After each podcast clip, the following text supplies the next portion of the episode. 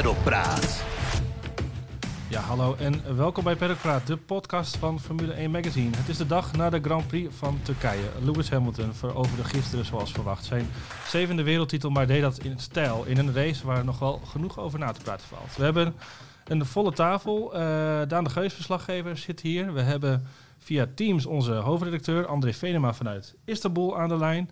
En, eh, Sorry, Kan je sorry mag, ik mag ik even inbreken? Ehm, ik heb mijn raam openstaan en eh, de moskee, eh, de imam eh, zit van alles te, te zingen en eh, te vertellen. Dus ik doe even het raam dicht. Dus het bewijs dat hij er ook echt is. Een stukje couleur lokale. maar goed, sorry. En we hebben voor de gelegenheid ook eh, Formule 1 encyclopedie van Ziggo Sport, schijnt. De, Als ik eh, maar geen quiz krijg. Als we, we gaan, we gaan geen quiz doen. we gaan geen quiz doen. Rick Winkelman, leuk dat je ook even aanschuift. Gedaan. Lewis Hamilton, de man of the hour. Het hele weekend was Mercedes eigenlijk niet thuis. Zesde en negende op de grid. En halverwege zag het er eigenlijk ook nog niet naar uit dat hij zou gaan winnen. Maar in de halfnatte omstandigheden kwam Mercedes eigenlijk eh, eh, tot leven. André, mijn vraag aan jou om te beginnen en ook aan de rest natuurlijk. Eh, was dit zijn meest imponerende zege wat jou betreft? Dat- Misschien, eh, misschien wel, hè. En dat, eh, hij gaf het zelf min of meer na afloop ook wel een, eh, een, beetje, een, een beetje, een beetje toe. Hoe, hoe, hoe veranderlijker de omstandigheden zijn, hoe meer hij wordt uitgedaagd en hoe beter hij eigenlijk gaat rijden. Dat vindt hij zelf. En dat, dat zei Sebastian Vettel gisteren ook. Weet je, deze, deze race was eigenlijk niet bestemd voor Lewis om te winnen. Maar toch won hij hem. En dat zegt iets over, dat zegt iets over zijn, zijn vakmanschap. Ja. En ik vond het echt een prachtige overwinning. Zo beheerst als hij die race heeft opgebouwd. Ook eh, met de banden. Van, wat, hoeveel, hoeveel ronden heeft hij op de intermediates gereden? 48 of zoiets? Ja, 50 geloof ik. Ja. Of 50? Ja, dat, is, dat, dat, getuigt, eh, dat getuigt van perfect bandenbeheer. En ook van de rust en de kalmte die, eh, die hij in zijn lijf heeft. Om zo'n race te lezen. En uiteindelijk ook toch eh, nog te winnen. ja, Rick, kun je daarin eh, in vinden? Ja, absoluut. Het was een van zijn allerbeste races. Eh, ik weet niet of het zijn beste was, want hij rijdt al zo lang mee. Dus hij heeft ongetwijfeld nog meer briljante wedstrijden gereden. Want hij is gewoon een briljante coureur. Eh, Ja. Maar het was wel heel mooi, inderdaad. Al, beginnen als zesde, dus een keer niet een eh, Mercedes eh, 1-2 vooraan. Maar dan toch nog, ondanks al die lastige omstandigheden, die waren voor iedereen lastig, maar daar als beste mee om te gaan. Dan toch nog winnen. En dan ook tegelijkertijd daarmee het kampioenschap helemaal veilig stellen. Terwijl je ook nog even je teamgenoot op een rondje zet. Ehm, dat was wel extra klasse weer. Weer extra klasse van. Hamilton. En ook amper al even de nummer 2 op een halve minuut ook Ja, nog eens, hè? ook Ja. nog. Ja, ja. Het was ook zo leuk, of leuk, het was wel indrukwekkend om te zien toen die Perez eenmaal voorbij was, eh, hoe snel die daarbij eh, vandaan reed. En eh, volgens mij in 2006 heeft hij in de, in de toen nog GP2, heeft hij hier ook eh, echt een... Hetzelfde soort een- race eigenlijk, hè? Eenzelfde soort race gereden. Volgens mij kwam je toen helemaal van achteraan, maar inderdaad wel een, eh, Ja. wel een Ja. race. Ja. Ja, ja. dus eh, misschien is het geen toeval dat hij, eh, dat hij juist op Istanbul Park zo goed ging. An- eh, Daan, die heb je nog niet gehoord. Kun je, wat zijn jouw gedachten bij deze? Waar, rank jij de, Ja, de zegen ik- van eh, een, een masterclass. Ik weet niet of het zijn meest spectaculaire zegen was. En dan kijk je misschien toch eerder naar eh, Engeland 2008, eh, die, die enorme regenrace op Silverstone ook. Maar dit was echt waar André al op zin speelt, een beetje het, eh, ja, het, het totaalpakket Hamilton dat we aan het werk hebben gezien. Hè. Die geweldige manier waarop hij een race kan lezen, de bandenmanagement, het geduld, het gochme wat hij heeft. En eigenlijk de basis daaraan ligt natuurlijk zijn enorme snelheid. Hè. Dat is iets waar je tegenwoordig ja, het lijkt soms wel haast vergeten te worden hoe ontzettend hard hij Hamilton kan autorijden. Maar wat André ook zegt, weet je, dan is die Perez voorbij en dan komt hij op kop. En dan loopt hij een partij weg zonder dat hij die banden over de cliff jaagt. Mhm. Ja, echt, echt mega indrukwekkend. En heeft voor mij wel weer laten zien waarom hij gewoon van de huidige grid op dit moment de beste coureur is. Ja, hè, niet, niet spectaculair zeg je. Het zat hem vooral in de, de opbouw, de, sne- de snelheid, de, Ja, wat eh, André ook zegt, het beheersen. Het was natuurlijk geen race met eh 13 eh inhaalacties buitenom of zo. Sterker nog, de inhaalacties in het begin gingen een beetje verkeerd. Hij had nog wat moeite met, eh, met de voorremmen die niet goed werkten. Maar ja, hij is dan En ook geen wel... eh. Ja, ja, maar weet je, hij is dan ook weer degene die, oké, dan schiet hij door, maar hij komt op een goede, veilige manier terug en hij probeert een paar ronden gewoon nog een keer. Dus hij heeft zijn kop ook niet laten hangen wat dat betreft. En dat vond ik ook wel indrukwekkend, want toen je hem vrijdag, zaterdag zag rijden, dacht je misschien van, nou, dit is zo'n zeldzaam off-weekend van Hamilton, maar hij Ja. heeft echt helemaal eh, gekanteld eh, tijdens de race. Dat is wel vaker, hè, dat hij dan eh, tot aan Q2 niet heel bijzonder doet. En dan boem, als het moet, dan staat hij er. Ja, knoppie om. Zo, is hij is gewoon top. En ook gewoon foutloos bijna, volgens mij. Hè, Ja, op, op die paar ene, ene uit, eh, uitschieter ja, na ja, dan in ja. het begin. Uh, wachten op het moment dat hij hem kan pakken. Formule 1.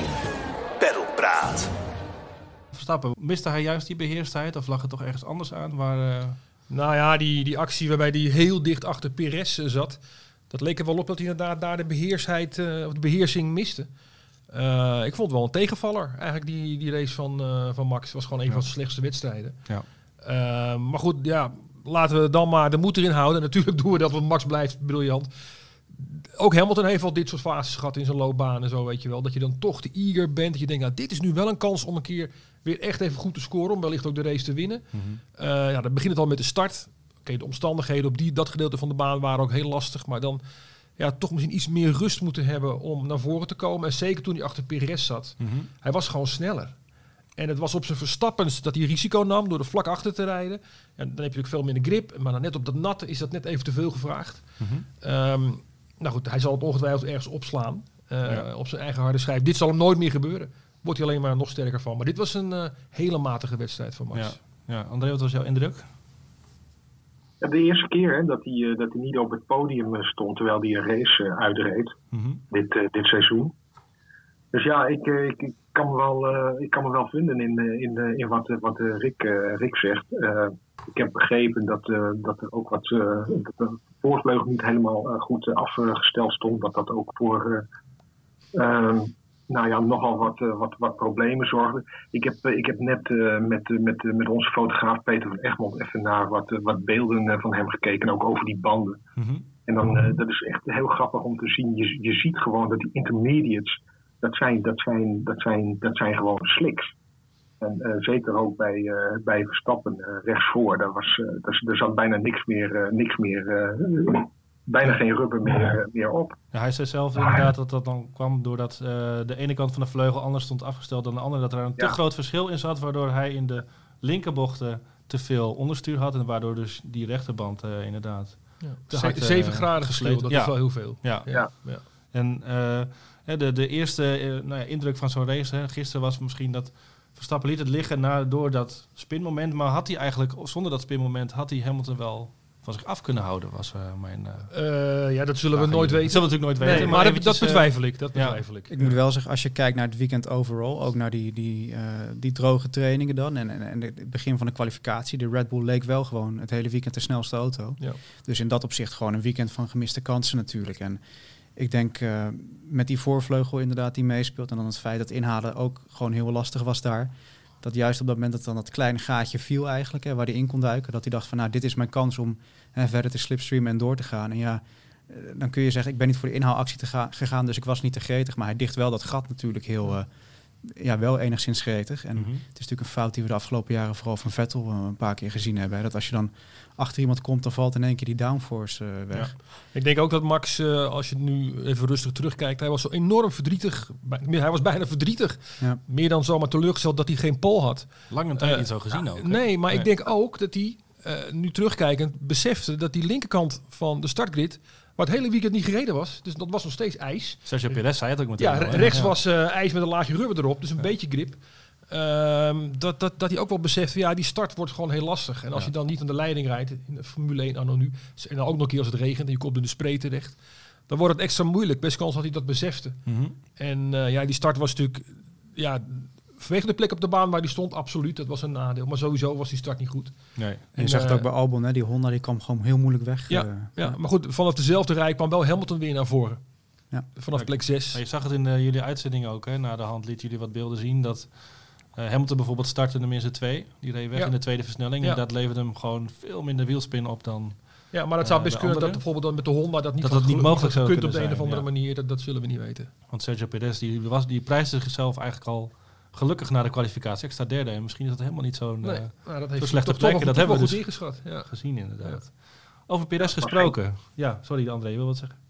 Ja, ik denk, eh, het was waarschijnlijk geen toeval dat die, eh, force, of, die Racing Points allebei eh, bij, beide zo, zo hard en zo snel vertrokken. Nee. Ehm, over Perez gesproken wilde ik zeggen, toch wel een van de, de uitblinkers eh, hè, van de race de afgelopen weken.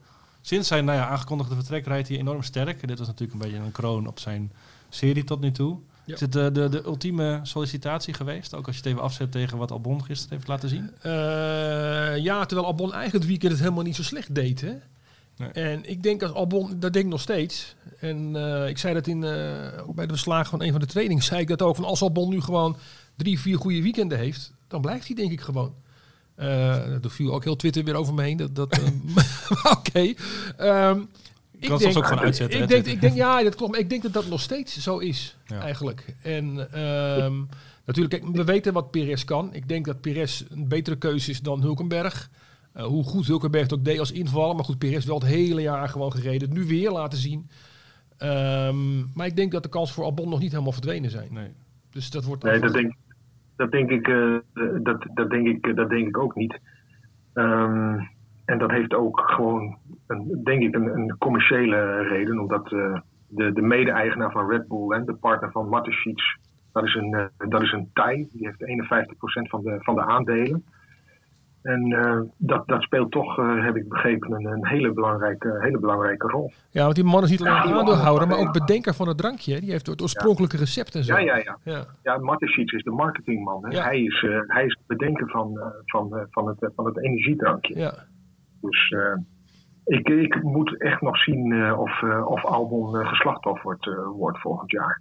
Maar toch, het spreekt, ik- niet, het spreekt niet voor hem dat je op zo'n moment hè, met een podium voor het grijpen, eigenlijk net zoals eh, in Imola, dat je hem dan achterstevoren eh zet op een beslissend moment. Nee, nee dat, dat, is, dat, is, helemaal, dat is helemaal waar. Maar eh, aan de andere kant, eh, kijk, met, met strategie, zoals in, in Imola, dan heb je. Natuurlijk is een, tweede, een goede tweede coureur, die is belangrijk.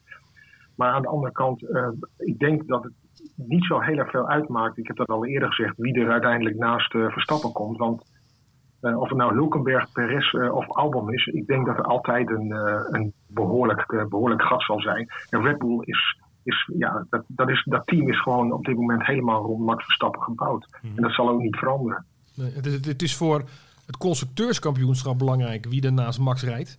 Eh, dat die tweede rijder veel punten kan pakken. Maar voor de kansen van Max maakt het, wat André inderdaad Nee. zegt, maakt dat niet uit. Een extra pion is nooit weg. Dat heb je natuurlijk wel in, in Ja, Imola ook wel ja. gezien. Een keer een pion eh, misschien tijdens de race, maar ook Maar met is het hij dat nu wel dan? Is hij dat, nog, is, hij, je? is hij dat nu wel genoeg, een pion? Nou, denk ik klein. niet. Voor, eh, zoals voor vorige race in Imola had eh, Verstappen zat in de sandwich. Hij had geen teamgenoot Ja. waarmee een, eh, nou ja, Ja. eventuele dreiging, eh, kon, die een eventuele dreiging kon zijn voor Mercedes. Hij moet het allemaal zelf doen. Ja. En als je Ja. een kampioen wilt worden, heb je denk ik wel zo'n pion nodig. En de vraag is dus natuurlijk, kan Albon dat zijn? Nou, dat, dat, dat, natuurlijk, daar heb je gelijk in. Alleen kan Albon dat minder goed dan dat Perez of Hulkenberg. Dat, je, weet ook, je, weet, je weet, ze weten bij Red Bull wel, als geen ander, eh, wat ze aan Albon hebben. Weet natuurlijk Ja. exact wat hij wel en niet kan.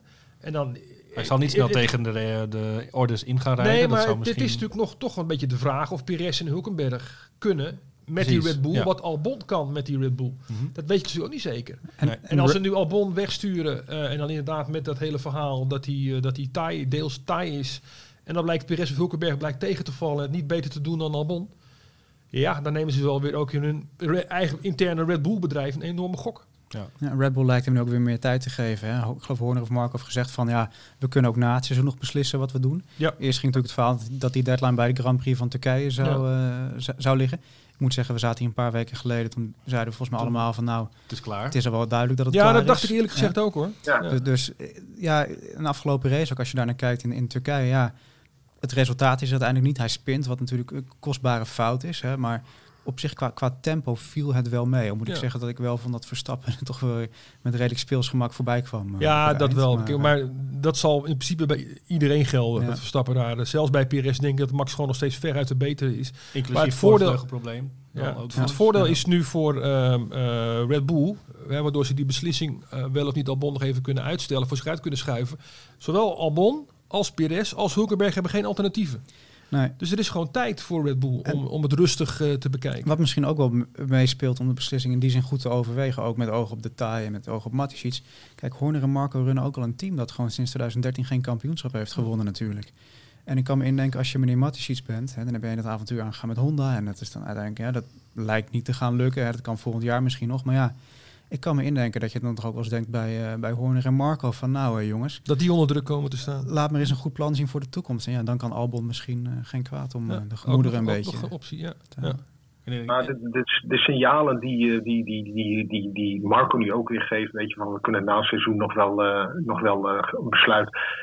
Ik, ik, ik heb toch het idee eh, dat het, dat het maar zo eh Albons kant eh, toch eh, op, eh, op kan rollen, ook voor volgend jaar. En ik denk dat ze ook wel heel erg hebben geleerd van de situatie met Gasly vorig jaar. Dat ze daar niet meer zo openlijk de druk op gaan leggen. Dat ze toch meer de rust in in tent willen houden. Omdat zo'n jongen daar toch onderdoor zou gaan. Als je maar blijft zeggen, je moet de komende race presteren, je moet de komende race presteren. Dat heeft natuurlijk bij Gasly eh, een enorme wel invloed gehad, eh, denk Ja. ik. Ja, en uiteindelijk is het voor Red Bull natuurlijk ook in die zin een makkelijke beslissing dat Albon gewoon een langlopend contract met ze heeft. Dus Ja. ze hoeven feitelijk ook niks te doen om hem te houden. Nee, maar Albon die al sinds het karten eh, bij Red Bull is verbonden. Ja. Ook een aantal keer daar weg Ook moest, als hij weer terug is gekomen. ja. Dus eh, ja, ik, ik denk dat het langzamerhand inderdaad richting Albon gaat. Oké. Nou ja, hij heeft nog drie races om het Ja, om te verknallen dan wel te, Ja, ja. te winnen. Ja. Eh, nog even een andere eh, uitblinker die we toch niet onbenoemd kunnen laten is volgens mij eh, Sebastian Vettel. Voor het eerst op het podium sinds... Ik vond het geweldig. Ik vond het ja. geweldig om hem daar weer voor. Ik zat ook helemaal te brullen bij ons toen, toen, toen die Leclerc voorbij ging. Ja, En niks te nadelen van Leclerc. nee. Maar ehm, ja, Vettel heeft de gunfactor terug. Hè, Die, ja, ja, ja. Ja, niet meer de verwende Duitser of zo. Eh, die heeft inderdaad de gunfactor terug. Dat is goed geformuleerd. Ja. Ja. Je, zag, je zag het ook vorig jaar in Duitsland in die regenrace. Hè, toen was hij ook gewoon heel goed. Het, Ja. het lijkt wel dat als hij op het scherp van de snede moet rijden met de Ferrari, dan ligt hij hem niet. Maar dan in, in zo'n situatie waarin de balans totaal anders is, Met dan een nattigheid. Ja. komt hij bovendrijven weer. Ja. Ik heb het idee dat, eh, dat Vettel eh, totale, totale rust heeft, eh, net, als, net als Hamilton. Ehm, helemaal in balans is ook. En, eh, en het daarom eigenlijk ja, toch, toch ja, bijzonder, eh, bijzonder leuk doet. Hè? Met, met gisteren als, eh, als, als een voorlopig hoogtepunt. Ik geloof voor het eerst in een jaar dat hij weer, dat hij weer op het podium staat. Ik vond het aan de ene kant wel, wel jammer, omdat Charles Leclerc ook een, echt een hele goede race heeft gereden. Hè? Van, van 18 naar, naar 3. Tja. Ehm, en ja, ik heb een reportage gemaakt over Charles Leclerc voor het komende nummer. Dus van mij had hij, eh, van mij had hij op gekomen. Maar, maar goed, hè, twee of vier, twee, drie of vier. Ja, wat maakt het uit? Het, het was mooi om, om Vettel ook met, met Hamilton te zien. Ik heb het ook in mijn, in mijn voorwoord geschreven. Hè. Wanneer was het? Twee jaar geleden in, in Azerbeidzjan. Hè, toen, eh toen Vettel Hamilton nog opzettelijke aanreed. Hè. Dat, waren, dat was een, maar het was een enorme ruzie. En als je ziet hoe die, eh, hoe die twee eh, de laatste, zeg maar dit jaar of sindsdien met elkaar omgaan. Dat vind ik toch wel heel mooi, eh, mooi om te zien. Goed Het is, het, is zo, het, is, het is zo anders. het zijn natuurlijk ervaren mannen, dikke dertigers. Maar het is zo anders om te zien, ook in persconferenties, hoe ze zich uiten, hoe ze zich gedragen dan, dan, dan, de, jonge, dan de jonge garde. Mhm. Dat, ik, ik, vind dat, ik, vond ik vind dat een heel mooi contrast. En ook eigenlijk heel mooi dat, dat, eh, dat de Formule 1 gewoon zeg maar, echt die, die, die oude en die, die nieuwe, generatie, eh, nieuwe generatie heeft. Ja. En ze, en ze zijn ook zo, zo totaal verschillend.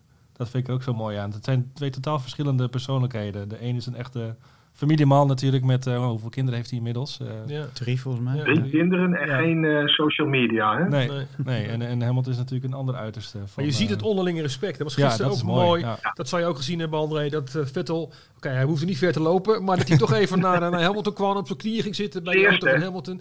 Ja, ja dat, vond ik, eh, dat vond ik cool. You made history, eh, zei hij. Ja, zoiets. Ja, ja, ja, Ja. I was glad to be a part of it. Of Ja, zoiets. Terwijl hij zelf vier keer wereldkampioen is geweest, Ja. weet je wel. Zij Ja. zei iets van, ik voel me Ja. bevoorrecht dat ik dit mag aanschouwen Ja. inderdaad, deze Ja. geschiedenis. En eh, Vettel is een liefhebber van de Formule 1 geschiedenis. Ja, Vettel is ook wel een liefhebber van de sport. Ik denk als Ja. Vettel stopt met eh, Formule 1, ik denk niet dat het iemand is die helemaal gaat verdwijnen, maar die gaat misschien na een tijdje denken, nou, ik wil wel een keer de 40 uur van de Nürburgring doen, of ik wil Le Mans doen. IndyCar zal hij denk ik niet meer doen. Nee. Dan had hij misschien iets jonger nog moeten zijn. Maar dat is wel iemand die we nog gaan zien. Terwijl ik denk als Hamilton stopt, dat hij, dat hij wel gelijk weg is. Vanuit eh, de racerij. Hij heeft ooit gezegd, eh, je zal mij niet meer eh, elke week op het circuit zien. eh, Nee. in eh, steeds dezelfde kleding, zei hij toen ook geloof ik. Dat was, Ja, dat was een ja, grapje richting Rosberg. maar dat tezijde. Formule 1. Peddelpraat. Ehm, nog even twee tegenvallers wilde ik nog even eh, eh, bespreken. Laten we beginnen met Bottas. Hoe, hoe Ja. vaak is hij Was, gespeeld? Ja, hij was Het zelf was ook tel kwijt. Ja, het was grappig voor de, voor de, voor de, voor twee uur voor de race heb je altijd, zeg maar, in het perscentrum heb je die, die interviews. Hè. David Coulthard nam ze gisteren af, doen ze van alle twintig coureurs, allemaal korte gesprekjes. Bij de garages, En- ja. Ja, voor de garage. En ze begonnen met, met Bottas. Bottas heel optimistisch van, eh, wauw, weet je, interessante weersomstandigheden. En Coulthard vroeg na van, weet je, je hebt eh rally-ervaring, dit moet toch, dit moet toch iets voor jou zijn? En toen zei Bottas, dat zou maar zo, dat zou maar zo kunnen. Het kan in ieder geval eh geen kwaad. Nou goed, we hebben gezien, ik geloof dat hij zes of zeven keer gespind is. Dat was zeker ook het contrast met, met Hamilton in deze race. Het was natuurlijk levensgroot. Echt, eh, ik vond het echt zeer teleurstellend wat Bottas liet zien. Het klopt wel, hè, die rally-ervaring. Met al het off-road rijden wat hij deed gisteren in de race. Ja, ja, ja. Dus Hij, hij rijdt op die Arctic Rail en zo. Ja. Hij, hij- en, en je weet het, eh, Rick eh, Bottas is een jongen die komt uit de provincie. en de, de jongens uit de provincie in Finland, die, die rijden in de bossen en over het Ja. ijs. Ja. En de jongens uit de stad, die rijden in de karts. Dus Ja.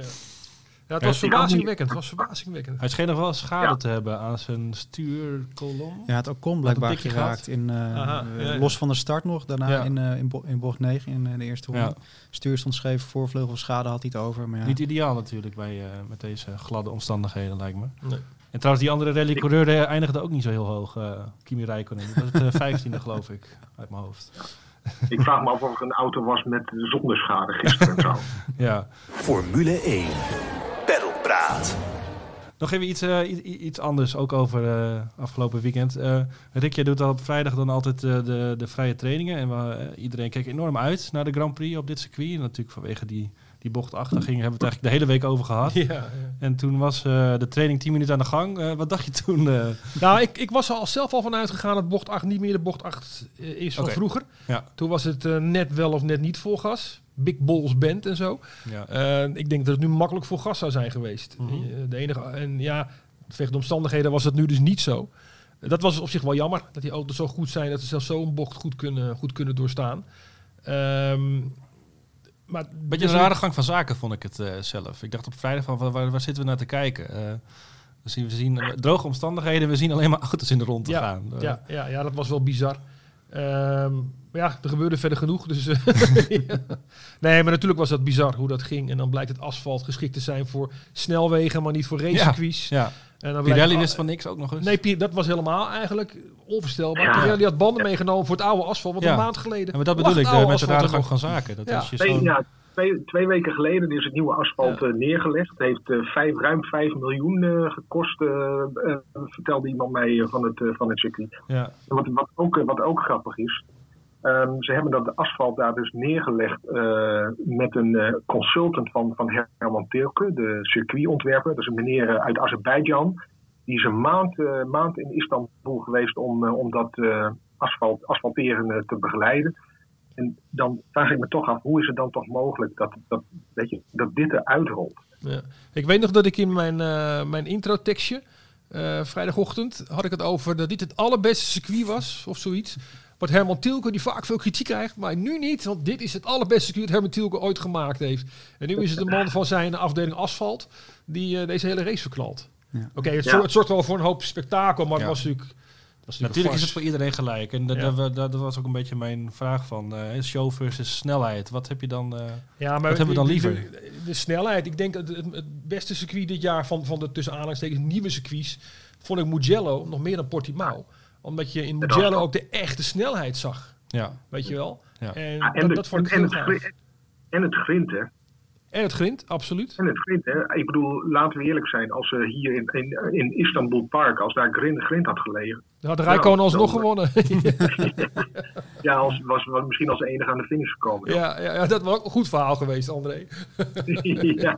Nou goed, Ja, we maar dan had wouden- ik maar ja. het verhaal weer weg moeten gooien. En eh daar had ik niet zoveel zin in. Oké, oké. Maar ik- ik denk om, om jouw vraag van show tot versus snelheid eh, te Wat, beantwoorden. wat had jij liever? Ik vond eh? dat George Russell wel een interessante eh, opmerking maakt. Die is ook van ja, als je gewoon spektakel wil en een stel idioten die in het rondrijden, dan zijn er genoeg andere dingen waar je naar kan kijken. Hè? Ja. Hij noemde geen namen, maar eh, ik kan me indenken dat hij aan een aantal eh, sporten die we ook wel eens eh, voorbij zien komen, denk ik. Ja. En eh, hij zei ook van ja, de Formule 1, het hoort gewoon te zijn de snelste auto's, de snelste coureurs die op hun snelst over een circuit heen gaan. En dat was dit natuurlijk niet. En natuurlijk, zeker als het regent, dan moet je je aan de omstandigheden aanpassen. Maar dit was zelfs met droog weer was het al eh, dat je dacht Ja. van nou, volgens mij kunnen bijna de, de kettingen om de banden. Want het was echt Ja, eh ja. Want glijden, ja, glijden. Ja. Stel, het was goed asfalt geweest en het had regende gisteren natuurlijk wel behoorlijk. Mhm. Dan was het nog steeds toch wel een spectaculaire race geweest. Goed. Nou ja, de- ook, op, ook op droog was het gewoon heel lastig Ja. geweest. Ja. Ja. Ik, ik moet zeggen, het begin van de race, ik ging echt zitten, echt kriebels, wat ik normaal bijna nooit heb. En ik dacht van, nou, dit, dit wordt er eentje, weet je Ja. wel. En het begin was eigenlijk best wel een beetje mat. Het deed me een beetje denken aan eh Azerbeidzjan 2016 toen. Toen had je die knotsgekke Formule 2 Ja. race. En toen kwam de Formule 1 en iedereen hield zich eigenlijk maar een beetje in. Want ze dachten van, nou, we hebben gezien hoe erg het kan, dus laten we ons maar gedragen. En Ja. zo voelde het gisteren ook, met, met uitzondering van een aantal incidenten. Maar we hebben weinig echt crashes gezien die de race hebben beëindigd of wat Ja, dan ook. het echte inhoud begon volgens mij vooral met de DRS toch wel weer. Hè? Ja. Of zeg ik dat? eh, Nou, dat viel wel mee volgens mij. Dat het hele middenstuk was echt, was echt saai. Je, zit- je, je zit te denken, verrek je wat is saai geworden. Ja. Weet je wel, dat hadden we ook helemaal niet verwacht vooraf inderdaad. En eh, toen toen was DRS wel al eh, vrijgezet weer. Ja. Maar dat, wat je Ja. net zegt, hè, wat, wat Russell zei. Je wil die auto's op z'n allersnelst zien rijden. En dat was dus wat in Mugello was dit jaar. Ja. Meer, ik had van Portimao eigenlijk meer verwacht. Maar ik vond dat ook, ook, ook een beetje als tv-maker... ook vanuit die optiek zitten kijken... dat het circuit van Mugello kwam op televisie beter uit dan Portimao. Terwijl Portimao ook geweldig is. Mhm. Maar daar zag je, Mugello, daar zag je echt hoe knijterhard die auto's gaan. Eigenlijk misschien wel voor het eerst dat we dat zagen, weet je wel. En dat, ehm, ja, dat heeft Russell helemaal gelijk. De Formule 1 moet daar gaan. Ja. En, eh, Ja. en, en in de series, hè, vooral Amerikaanse raceklasse, ik doe het ook zelf met NASCAR bij, eh, bij Ziggo Sport, daar is het entertainmentgehalte veel meer ook in de reglementen ingebakken, bij IndyCar ook. Formule 1 heeft dat niet, terecht, want dat moet echt wat dat betreft qua techniek, qua coureurs, qua geld, qua alles moet dat de absolute top zijn. Ja. Qua puur racen, weet je wel. En ehm, Maar- dat had je wel in Mugello, maar zeker niet in, in Turkije afgelopen weekend. Het gaat met, met, met Liberty, eh, ik bedoel, dat is een Amerikaanse firma. Die gaan natuurlijk wel eh, op termijn ook meer dat eh, wat show-elementen, denk ik, eh, in, eh, erin brengen. Hè. Daar ja, zijn ze nu toch groot. ja, mee- bezig. Ja. En ik verwacht dat het, eh, dat het erger, dat het, eh, dat het steeds, dat er steeds meer eh, show-element, dat het steeds belangrijker wordt. Want eh, kijk naar de, de grote sporten in Amerika met het, met het draft systeem. Eh, in Amerika is het ondenkbaar dat, eh, dat een, een, een team zeven keer achter elkaar eh, met, met, met zo'n overmacht kampioen wordt. Ja. Ik moet ook zeggen, ik ben ook, ben ook zeker niet tegen minder verrassingen of, of, meer actie. Daar ben ik ook hartstikke voor. Ja. Maar het moet wel oprecht zijn. Het moet niet een gimmick zijn. En dit met dat asfalt was natuurlijk wel een beetje een... eh, ja, alsof je in een soort videogame een soort eh, cheatcode aanzet Ja. van eh, iedereen glijdt Ja. van de baan. En, Ja. Ja, Ja. ja. Ik sprak Ja, Hoop in Tunnel nog voor de, de, de column in ons blad. Die zei ook, teams die bereiden zich natuurlijk enorm voor. Eh, honderden mensen doen honderden berekeningen om maar die auto van tevoren zo goed mogelijk op orde te krijgen. En dan Ja. blijkt eigenlijk al het werk eh, waardeloos te zijn op het moment dat ze de garage uitrijden. ja, maar fijn dat het zo nog kan. Ja, Weet je wel. En Ja, dat is, ik, ik, ik begreep dat, dat eh, in ieder geval Ferrari eh, zaterdag na die be- bedroevende kwalificatie eh, non-stop alles, eh, alles en iedereen heeft opgeroepen om, om voor zondag nog wat eh, Ja, fatsoenlijks uit die auto te halen. Weet je, dus ja, ja. dat, goed gelukt. Ja, ja, het is zeker goed Het gelukt. schijnt dat de modellen van tevoren hadden een rondetijden van 15 seconden sneller dan eh, Mm. uiteindelijk gereden werd. Gemeten nog met het Ja. oude asfalt. Ja, precies. Ja, ja, ja, ja. Ehm, Ja, wat was het? Ik geloof dat eh, de snelste tijd. Ik weet niet precies hoe het met Paul zat nu, maar ik geloof dat op de vrijdagavond de snelste tijd van die dag was 11 seconden langzamer of zo ja. dan de Paul van Vettel in 2011. En nog even snel of langzamer nog dan de GP2-pol? Ja, ja, ja, ja, ja, dat, ja, ja, precies. En Dormos was natuurlijk sneller geweest nog, eh, dan, dan de man op de vrijdag. Dus dat was, eh, ja, dat was wel raar. Ja. ja, nog, ook nog, nog een weetje, encyclopedie, eh Rick. Dat, het podium van gisteren, dat waren de drie mannen die ook nog meededen in de laatste editie van de, de Grand van Turkije. Oké, oké. Nog wel een grappige, Ja. een grappige weetje. ja, maar dat is misschien wat André net zei, dat dat toch wel mannen zijn, misschien zelfs Perez, eh, die toch een bepaalde rust hebben of zo. Mm. Of, de, ja, of, de, of de ervaring gewoon. Ja. Dat je dan op dit soort, wedst- dit soort dagen gewoon overeind eh, blijft. Ja. Dus het, het, het, het- het is, het is denk ik geen toeval. Dat Daan twitterde dat gisteren ook. Dat eh, juist uitgerekend bij zo'n race drie, eh, drie, eh, drie dertigers, drie ervaren mensen op het podium staan. Ja, en dat Leclerc zich in de laatste ronde laat piepelen. Eerst door Perez, die al helemaal halverwege het circuit zich op een andere manier positioneert. Eh, Leclerc vergeet dan om in de DRS-zone eh, te blijven, zeg maar. En dan bij die aanval in bocht 12, ja, dat, dat, dat Perez er daar langs ging. Het leek alsof hij te hard ging. Dat hij daar een beetje, dat hij geen rekening mee had gehouden. Hij had ook nog de DRS inderdaad Ja. openstaan. Ja. En zat aan de binnenkant op de, nou, niet de ideale lijn, denk Nee, ik. nee. Dat was een lesje ervaring inderdaad, Ja, die Perez ja. daar aan, eh, aan Ja. Leclerc gaf. Maar Leclerc, net als Max, die leert daar natuurlijk ook van. Ja. Dus die twee mannen zijn niet alleen maar weer sterker van geworden. Dat werkt dan weer de andere kant op Hij natuurlijk. was er weer. I am Ja. stupid.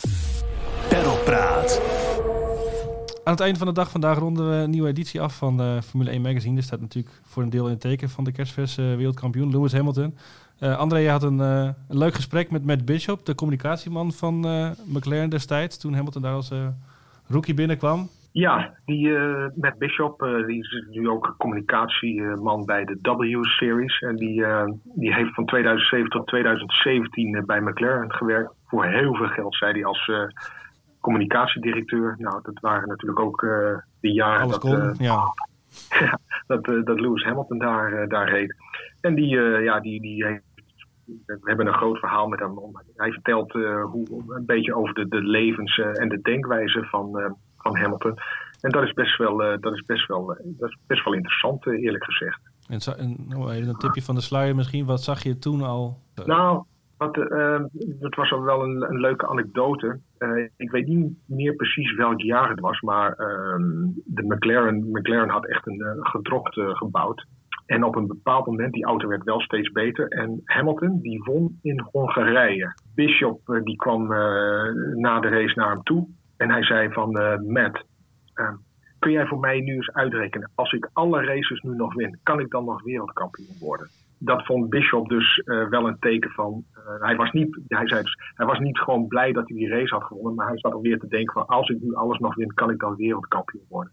En hij vond dat wel een, een hele treffende anekdote om, om de eerzucht van, van Hamilton te omschrijven. Ja, en daarnaast hebben we ook een, uh, een portret van de, nou ja, de tandem, noemen we het maar even. De Wolf-Hamilton tandem, het onafscheidelijke duo toch wel bij Mercedes. Ja, de, de succesformule, hè. Ja. Uh, Toto Wolff en, uh, en Lewis Hamilton.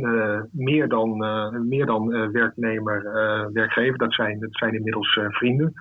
En daar hebben we ook een, een heel mooi portret over. Verder heeft uh, Daan nog een verhaal gemaakt met uh, de coronatsaar van de, van, de, van de FIA. Dat is uh, Bruno uh. Die heeft de, de, de coronacode zeg maar, opgesteld.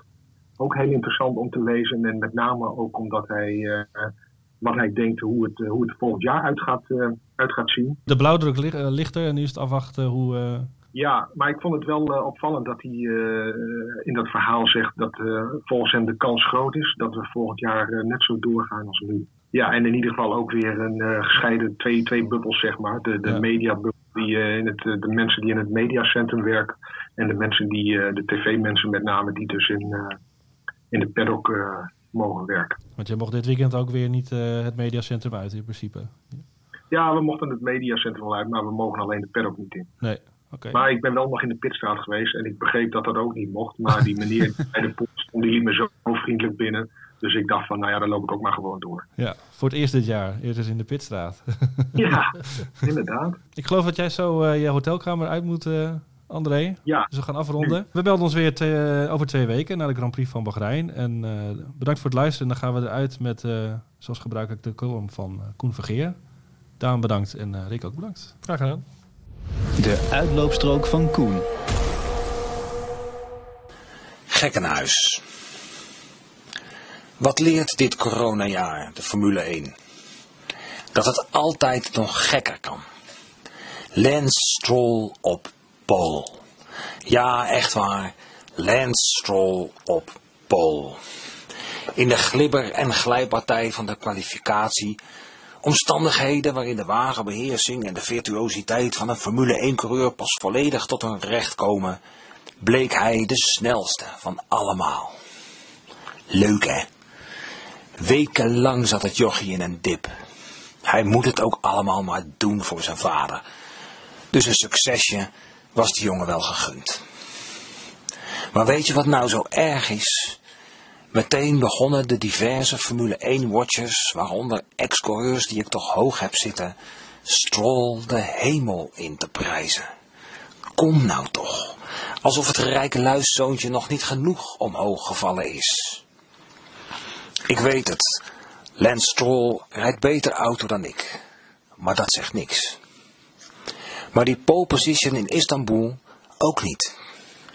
Het was een mysterieuze combinatie van banden, temperatuur, auto, regen en vooral krankzinnig spekglad asfalt. Kijk naar de race. Na een paar ronden in de regen reden die Racing Points 15, jawel 15 seconden voor op Max. Dat is toch bizar. Maar hoe liep het uiteindelijk af? Terwijl Sergio Perez een tweede plek uit het vuur sleepte, finishte Stroll met dezelfde auto op grote achterstand als negende. Ik begrijp er niks van, kreunde de arme knul na afloop. Nou, ik begrijp het wel hoor. Stroll blijft gewoon een doorsnee paydriver. Geeft niks, papa betaalt de rekening. Een dikke rekening, dus de Formule 1 is blij met Stroll. Vermakelijk was het wel. Formula 1 on ice. Ik stel voor dat we de circuits in Bahrein en Abu Dhabi stevig insmeren met groene zeep of olijfolie extra vierge, zodat de beste coureurs komen bovendrijven. En wie weet wat voor kunstschaatsfiguren Valtteri Bottas nog voor ons in petto heeft. Was het dan competitievervalsing? Nee hoor, want uiteindelijk wint Lewis Hamilton toch wel. Werkelijk magistraal hoe hij in dat gekke huis van Istanbul de wedstrijd naar zich toe liet komen. Niks forceerde, maar geduldig bleef. De race las, passeerde zodra het kon, zonder ongelukken, geen enkel foutje maakte en op het moment dat hij werkelijk vat kreeg op de omstandigheden, gas gaf en als eerste over de finish kwam. Wat een kampioen.